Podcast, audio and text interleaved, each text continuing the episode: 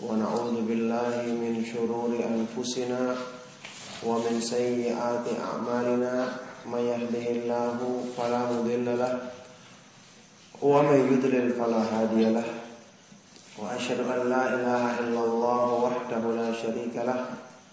وأشهد أن محمدا عبده ورسوله. صلى الله عليه وعلى آله وأصحابه ومن تبعهم بإحسان إلى يوم الدين. أما بعد Alhamdulillah Ma'asyiral ikhwah fiddin rahimakumullah. Kembali kita bertemu di majelis ini Dalam rangka untuk saling menasehati dalam kebaikan dan ketakwaan Dan segala puji bagi Allah subhanahu wa ta'ala Yang memudahkan kita dan selalu memberikan petunjuk kepada kita. Segala puji bagi Allah subhanahu wa ta'ala Yang menjadikan kita mencintai majelis ilmu yang dengan itu kita akan selalu dimudahkan untuk memperbaiki hal-hal yang kurang dalam diri kita dalam keimanan kita. Uh, hadis yang terkenal dari Nabi Shallallahu Alaihi Wasallam riwayat Bukhari Muslim sabda Nabi Shallallahu Alaihi Wasallam "Thalathun man kunna fihi bihinna halawatal iman ay yakuna Allah wa rasuluhu ahabba ilaihi mimma siwahuma wa yuhibbal mar'a la yuhibbuhu illa lillah wa ay yakraha ay ya'uda fil kufri ba'da id anqadhahu Allah kama yakrahu ay yukdhafa fin nar. Ada tiga perkara, ada tiga sifat. Barang siapa yang memilikinya, maka dia akan merasakan kemanisan iman. Pertama, dengan dia menjadikan Allah Subhanahu wa taala dan rasulnya lebih dicintainya daripada segala sesuatu yang selainnya. Yang kedua, dia mencintai manusia semata-mata karena Allah. Kemudian yang ketiga, dia benci atau enggan untuk kembali kepada kekufuran, kembali kepada keburukan setelah Allah menyelamatkan dia darinya sebagaimana dia enggan untuk dicampakkan ke dalam api. Ini hadis sahih riwayat Imam Bukhari dan Muslim yang menunjukkan kepada kita tentang agungnya kedudukan cinta kepada Allah Subhanahu wa taala dan mencintai manusia karena Allah. Inilah yang disebut-sebut oleh para ulama sebagai apa ini ruhul iman. Hakikatut tauhid. Ainut ta'abbud. Asasut taqarrub. Cinta kepada Allah itu adalah rohnya keimanan. Cinta kepada Allah itu itulah yang namanya hakikatut tauhid. Cinta kepada Allah itu dialah yang merupakan inti dari penghambaan diri serta landasan dari takarrub, mendekatkan diri kepada Allah. Inilah yang menjadikan tingkatan-tingkatan dan kedudukan-kedudukan manusia di hadapan Allah Subhanahu wa taala berbeda-beda. Di hadapan Allah Subhanahu wa taala berbeda-beda. Saya pernah ingatkan dulu ucapannya Bakar bin Abdullah Al-Muzani tentang apa sebab yang menjadikan Abu Bakar As-Siddiq radhiyallahu taala anhu mengungguli keutamaan para sahabat yang lainnya bahkan semua kaum muslimin setelah nabinya Nabi Muhammad sallallahu alaihi wasallam Beliau mengatakan ma sabaqahum Abu Bakrin bi kasrati salatin wala siyamin wala sadaqatin walakin bi syai'in waqara fi qalbihi. Tidaklah Abu Bakar As-Siddiq radhiyallahu taala anhu mengungguli mendahului keutamaan para sahabat yang lainnya. Tidaklah beliau mencapai semua itu dengan banyaknya sekedar banyaknya salat, banyaknya puasa dan banyaknya sedekah, tetapi karena kuatnya sesuatu yang ada dalam hati beliau. Waktu ditanya apa yang ada dalam hati beliau adalah mahabbatullah wa nushu likulli muslim. Kecintaan kepada Allah dan nasihat bagi setiap setiap muslim. Jadi yang mempengaruhi kekuatan iman atau yang menjadikan kedudukan seorang itu tinggi adalah ketika dia beribadah kepada Allah dengan cinta sehingga ibadah itu dinikmatinya.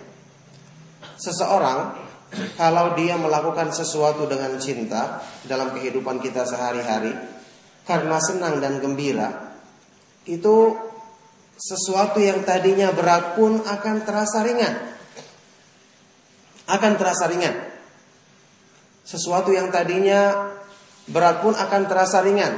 Maka ini nanti uh, apa ini orang-orang yang beribadah kepada Allah Subhanahu wa taala atau diuji di jalan Allah karena ada kecintaan dalam dirinya maka segala sesuatu itu akan dirasanya ringan. Akan dirasakan justru apa ini dia semakin semangat untuk melakukannya karena itu untuk membuktikan kesungguhan cintanya dia kepada Allah Subhanahu wa taala. Inilah yang menjadikan manusia itu hidupnya semakin indah, ibadahnya semakin berarti, Pen apa ini ujian-ujian, ujian-ujian yang dijalaninya juga akan semakin menguatkan imannya dan kecintaannya kepada Allah Subhanahu wa taala. Mungkin saya pernah nukilkan Ibnu Qayyim rahimahullah taala waktu membawakan asar dari Umar Ibn Khattab radhiyallahu taala anhu sewaktu beliau ditanya tentang dua orang manusia yang mana yang lebih utama. Orang yang ketika dia menempuh jalan Allah Ketika dia menempuh jalan Allah, dia cuma lurus-lurus saja, tidak ada ujian. Tidak ada tarikan dari nafsu. Lurus-lurus saja. Orang yang kedua ketika dia menempuh jalan Allah, kadang-kadang dia ditarik oleh hawa nafsunya. Tapi dia berjuang untuk menundukkan hawa nafsu tersebut. Berjuang untuk lebih mengutamakan kecintaan kepada Allah. Sehingga dia terkesan jatuh bangun. Maka dikatakan oleh Umar Ibn Khattab waktu menjawab pertanyaan ini, orang kedualah yang lebih utama. Kenapa? Karena dia adalah minalladzina amtahanallahu qulubahum littaqwa lahum maghfiratun wa ajrun azim. Dia termasuk orang-orang yang sengaja Allah uji hatinya untuk Allah berikan ketakwaan kepadanya. Dia akan mendapatkan pengampunan dan pahala yang agung. Nah orang yang kedua ini Kelihatannya dia terkadang ditarik nafsunya. Tetapi karena dia berjuang untuk menundukkan hawa nafsunya, mendahulukan kecintaan kepada Allah, maka dia lebih utama Allah Subhanahu wa taala sengaja uji hatinya, uji keimanannya untuk semakin disempurnakan kecintaannya kepada Allah. Nah, inilah apa ini inti daripada penghambaan diri kepada Allah Subhanahu wa taala. Oleh karena itu ya ikhwatu fillah, pandangannya orang-orang yang mengenal sunnah, mengenal petunjuk Allah, itu bagaimana cara untuk menyempurnakan ibadah. Bagaimana caranya untuk menjadikan penghambaan diri kepada kita kepada Allah itu lebih bernilai. Tidak cuma sekedar kayak kita menjalankan rutinitas yang tanpa arti atau tanpa tanpa makna. Nah, inilah yang menjadikan orang-orang yang berilmu mengenal petunjuk Allah dibedakan dengan yang lain. Dibedakan dengan yang lain. Dan ini termasuk di antara ciri-ciri orang-orang yang hatinya itu sehat. Jiwanya itu benar. Apa ini hatinya jauh dari penyakit-penyakit hati. Seperti kalau kita baca keterangan Ibnu Qayyim rahimahullah taala. Jadi ayyakuna ihtimamuhum fi tashihil amali akbar min min ihtimamihim bitaksiril amal. Perhatian mereka untuk memperbaiki kualitas amal lebih besar daripada sekedar memperbanyaknya. Nah orang-orang kalau orang-orang yang tidak mengenal petunjuk Allah, tidak mengenal sunnah, perhatian mereka sekedar memperbanyak. Adapun isinya atau nilainya, kandungannya itu kurang diperhatikan oleh mereka. Maka di sinilah fungsinya keimanan. Di sinilah fungsinya kita belajar tauhid. Di sinilah fungsinya kita mengenal kandungan nama-nama dan sifat-sifat Allah Subhanahu wa taala. Allah Subhanahu wa taala jelas menjadikan petunjuk dari dalam apa ini dalam ayat-ayat Al-Qur'an yang terbesar adalah tujuannya untuk ini. Mewujudkan kecintaan manusia kepada Allah Subhanahu wa taala. Bahkan ini merupakan hidayah yang terbesar yang Allah berikan kepada manusia. Makanya di antara Asmaul Husna yang sangat agung kandungannya adalah kita mengenal makna nama Allah Subhanahu wa taala Al-Wadud yang maha mencintai dan dicintai hamba-hambanya. Al-Wadud artinya al-mutawaddidu ila khalqihi.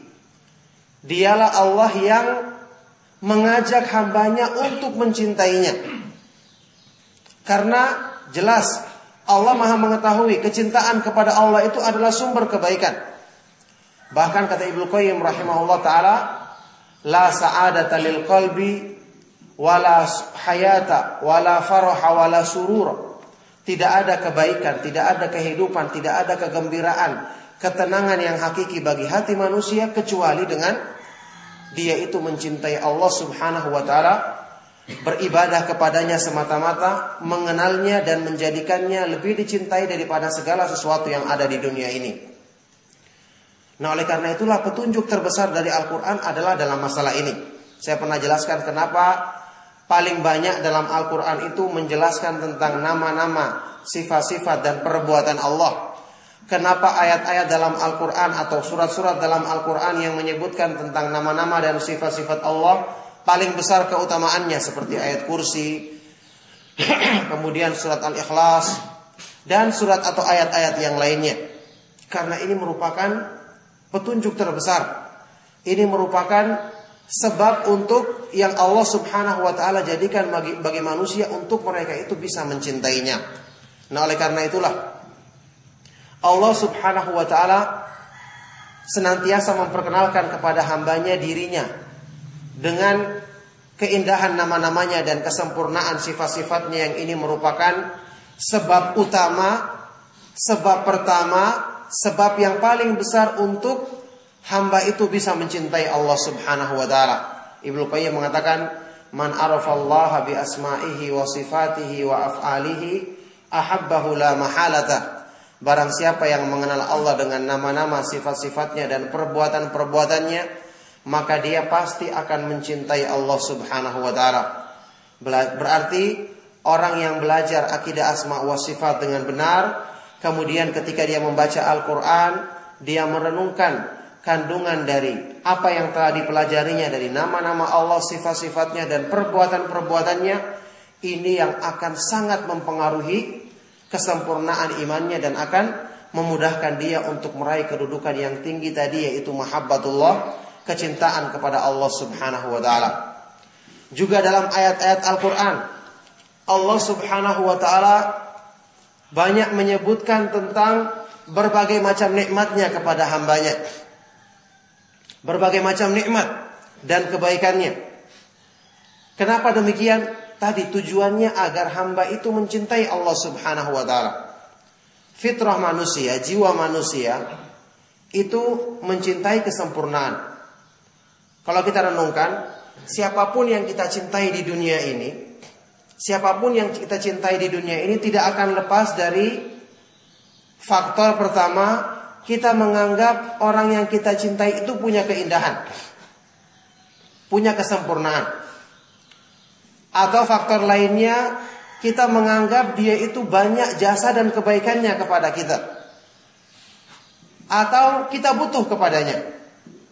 Nah semua faktor-faktor ini kalau kita renungkan semua secara sempurna ada pada Allah subhanahu wa ta'ala.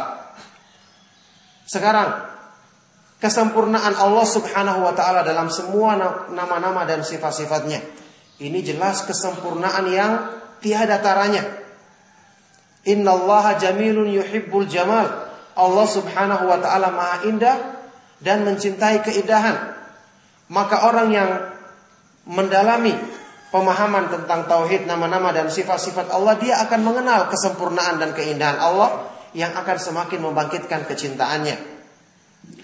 Kemudian dari sisi kebaikan, dari sisi karam, kedermawanan, jud ya, kebaikan yang Allah berikan kepada kita, maka tidak ada satupun makhluk yang sempurna kebaikannya.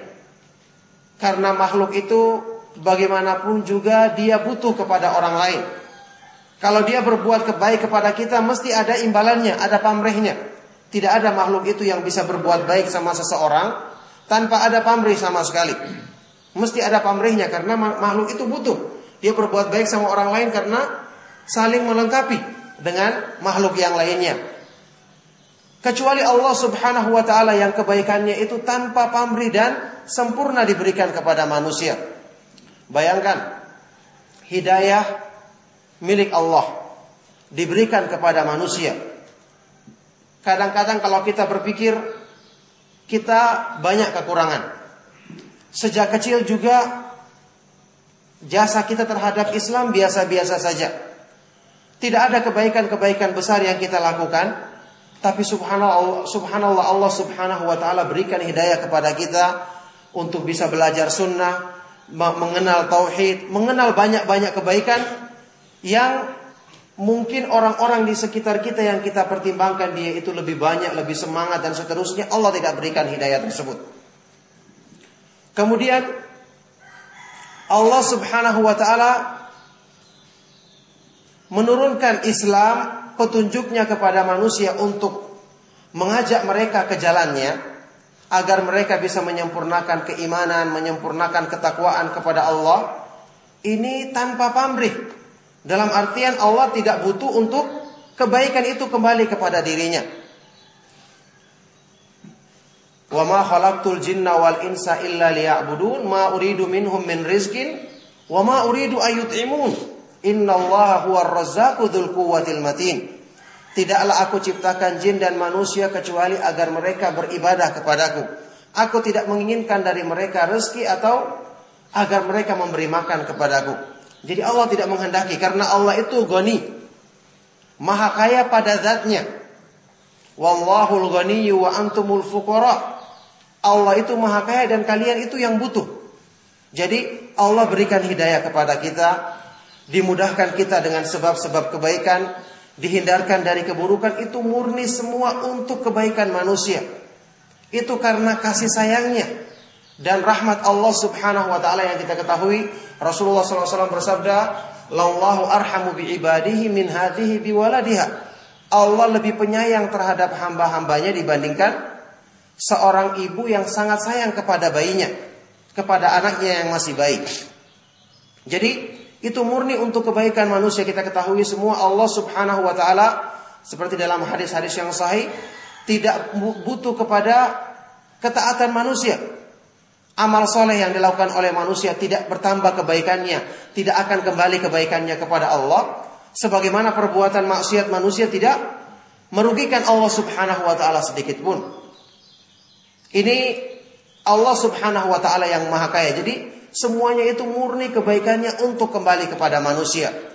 Bersamaan dengan itu, ketika seorang manusia juga lalai, kurang mensyukuri nikmat tersebut, tidak ingat akan kebaikan-kebaikan Allah tersebut, Allah lah masih memberikan kesempatan kepada dia. Diberikan padanya sebab-sebab agar dia bisa bertobat dan kembali. Dimudahkan dia misalnya untuk dengar ceramah, dengarkan pengajian sehingga dia sadar. Ini juga adalah kebaikan besar bagi Allah Subhanahu wa taala. Lebih daripada itu orang yang bertobat dari kesalahannya yang seharusnya secara logika dan pertimbangan kita ya dia sudah pernah melakukan kesalahan. Bagaimanapun kalau untuk di kalangan manusia orang yang sudah punya salah itu sulit untuk hilang kesan buruknya dalam diri kita. Tapi Allah Subhanahu wa taala tidak demikian. At-taubatu tajubbu ma qablaha. Taubat itu menghilangkan semua bekas-bekas yang dulu. Yang sebelumnya. Ata ibu minadzanbi kaman ladzan balahu kata Nabi SAW. Orang yang telah bertobat dari perbuatan dosanya seperti orang yang tidak punya dosa sama sekali. Bahkan lebih daripada itu Allah gembira menerima taubat hambanya. Ya kan? Lallahu afrahu atau asyaddu farhan bi taubati ahadikum. Sungguh Allah Subhanahu wa taala lebih gembira menerima taubat seorang hamba daripada kegembiraan-kegembiraan yang pernah dilukiskan dalam kehidupan manusia. Jadi bukan cuma dimudahkan bertobat, bukan cuma dikembalikan kedudukannya kepada Allah. Apa ini keimanannya? Dihapuskan dosa-dosanya, tapi Allah gembira menunjukkan orang yang bertobat itu Allah mencintainya. Makanya ini rahasianya kenapa dalam dua ayat Al-Quran yang menyebutkan nama Allah Al-Wadud itu selalu digandengkan dengan kasih sayang dan pengampunannya. Inna Rabbi Rahimun Wadud. Sesungguhnya Robku adalah maha penyayang dan maha wadud mencintai. Wa huwal ghafurul wadud. Dan Allah Subhanahu wa taala Maha mencintai dan Maha menyayangi. Maksudnya apa? Orang yang dia itu merasa ada kekurangan dalam dirinya, banyak berbuat dosa tidak menghalangi dia untuk meraih kecintaan kepada Allah asal dia mau bertobat dan kembali kepada Allah. Ibnu Qayyim mengatakan setelah menjelaskan keterkaitan dua nama ini dalam satu penjelasan yang panjang di akhirnya beliau menyimpulkan idan Ata ibu Habibullah. Kalau begitu orang yang bertobat itu adalah kekasihnya Allah Subhanahu wa taala. Maka ini adalah karunia yang agung yang memberikan menjadi kabar gembira bagi kita bahwa ternyata orang-orang yang punya yang penuh dengan kekurangan seperti kita itu tidak tertutup pintu untuk bisa menjadi kekasihnya Allah Subhanahu wa taala. Meraih kedudukan yang tinggi dalam Islam untuk bisa mewujudkan mahabbatullah dalam diri kita. Nah oleh karena itu ya ikhwatu fillah inilah satu kedudukan yang tinggi dalam agama yang harusnya menjadi target utama dalam hidup kita. Karena ini merupakan asal dari semua kegiatan atau perbuatan manusia. Agar hidup kita ini bernilai ibadah keseluruhannya, maka asal ini harus dibenahi terlebih dahulu. Kita tidak mungkin bisa mencintai orang karena Allah kalau kecintaan kepada Allah dalam diri kita sendiri lemah. Karena nafsu yang mendominasi. Kalau kecintaan kepada Allah tidak kuat, maka nafsu kita yang mendominasi sehingga kecintaan kita kepada siapa pun akan mencelakakan nantinya. Kita ketahui, cinta kepada manusia, anak, istri itu fitrah. Cinta yang secara asal tidak tercela. Zuyina nasi hubbus syahawati minan nisa'i wal banina dan seterusnya. Dijadikan indah dari pandangan mata manusia, dalam pandangan pada manusia, cinta kepada istri, anak, harta dan seterusnya. Di akhir ayat ini Allah mengatakan dzalika mataul hayati dunia itu adalah perhiasan kehidupan di dunia. Tidak bermasalah asalnya. Tetapi kalau tidak dikendalikan dengan iman yang benar, itu jadi malapetaka. Buktinya dalam ayat lain Allah berfirman, "Inna min azwajikum wa auladikum aduwwal lakum." Sesungguhnya di antara istri-istri dan anak-anakmu ada yang menjadi musuh bagimu. Kenapa? Kecintaan kepada yang bersifat fitrah tadi bisa melampaui batas kalau tidak dikontrol dengan keimanan. Kalau tidak dilandasi dengan kecintaan kepada Allah. Itulah sebabnya yang saya pernah terangkan dalam kajian kita juga semua bentuk kasih sayang di dunia ini di akhirat nanti ber, ber, berujung permusuhan. Kecuali orang-orang yang bertakwa. Al-akhillau yawma idzin ba'duhum li ba'din adu illal muttaqin. Orang-orang yang berkasih sayang sewaktu di dunia, di akhirat nanti semua menjadi permusuhan kecuali orang-orang yang bertakwa. Nah, inilah semua kegiatan yang kita lakukan, baik itu kegiatan agama maupun kegiatan dunia, akan sangat sulit kita arahkan untuk ikhlas kepada Allah untuk dalam rangka mencari keridhaan Allah kalau dalam diri kita masih didominasi dengan hawa nafsu atau kecintaan kepada Allah Subhanahu wa taala kita lemah. Maka inilah asal dari segala sesuatu. Makanya untuk bisa menjadikan kegiatan kita, tekad kita, pikiran kita selalu dalam berhubungan sama manusia benar-benar ditujukan kepada Allah Subhanahu wa taala untuk menyempurnakan kecintaan kita kepada Allah, maka asal ini harus kita benarkan yaitu kecintaan kepada Allah. Oleh karena itulah yang saya pernah nukilkan doanya Nabi Shallallahu alaihi wasallam, Allahumma inni as'aluka hubbaka wa hubba man yuhibbuka wa hubba kulla amalin yuqarribuni ila hubbika. Ya Allah, aku meminta kepadamu kecintaan kepadamu kecintaan kepada orang-orang yang mencintaimu dan kecintaan kepada semua amalan yang mendekatkanku kepada cinta kepadamu. Inilah mereka-mereka yang bisa menjadikan misalnya tidurnya itu diniatkan untuk Allah. Karena hatinya dipenuhi dengan kecintaan kepada Allah sehingga waktu tidur pun diniatkan untuk bisa menguatkan ibadah, bisa untuk menguatkan dirinya dalam takwa kepada Allah.